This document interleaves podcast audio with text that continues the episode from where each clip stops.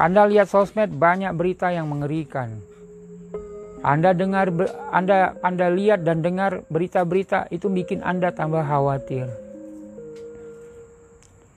Makanya ulang kembali dengan streamingnya, baca Alkitab secara pribadi biar Anda punya kekuatan dan Anda tidak mudah untuk dialihkan pikiranmu oleh iblis.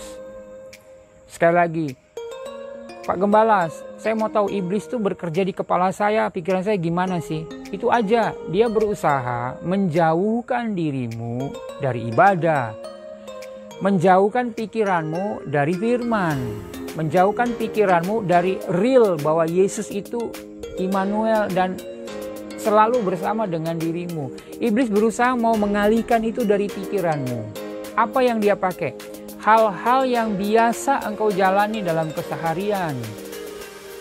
Ya saya bagi kelompok aja. Kalau Anda pekerja, dia akan pengaruhimu dari hal-hal yang berurusan dengan pekerjaan. Kalau Anda yang belajar, dia akan mempengaruhi pikiranmu dari hal-hal yang ada hubungannya dengan uh, waktumu belajar. Kalau Anda berbisnis, dia akan pengaruhimu pikiranmu melalui apa yang sedang engkau bisniskan dan engkau jalankan.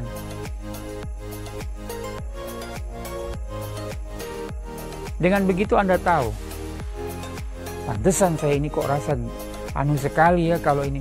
Ya iblis sedikit berhasil saudara. Dan sekarang saya ingatkan untuk Anda kembali. Anda bisa dapatkan apa pun dan alami apa pun saat ini itu semua karena anugerah Tuhan Yesus Kristus.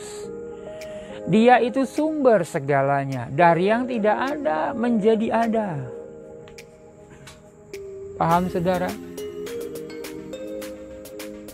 Bilang kiri kanan, baca Alkitab, dengar streaming kembali.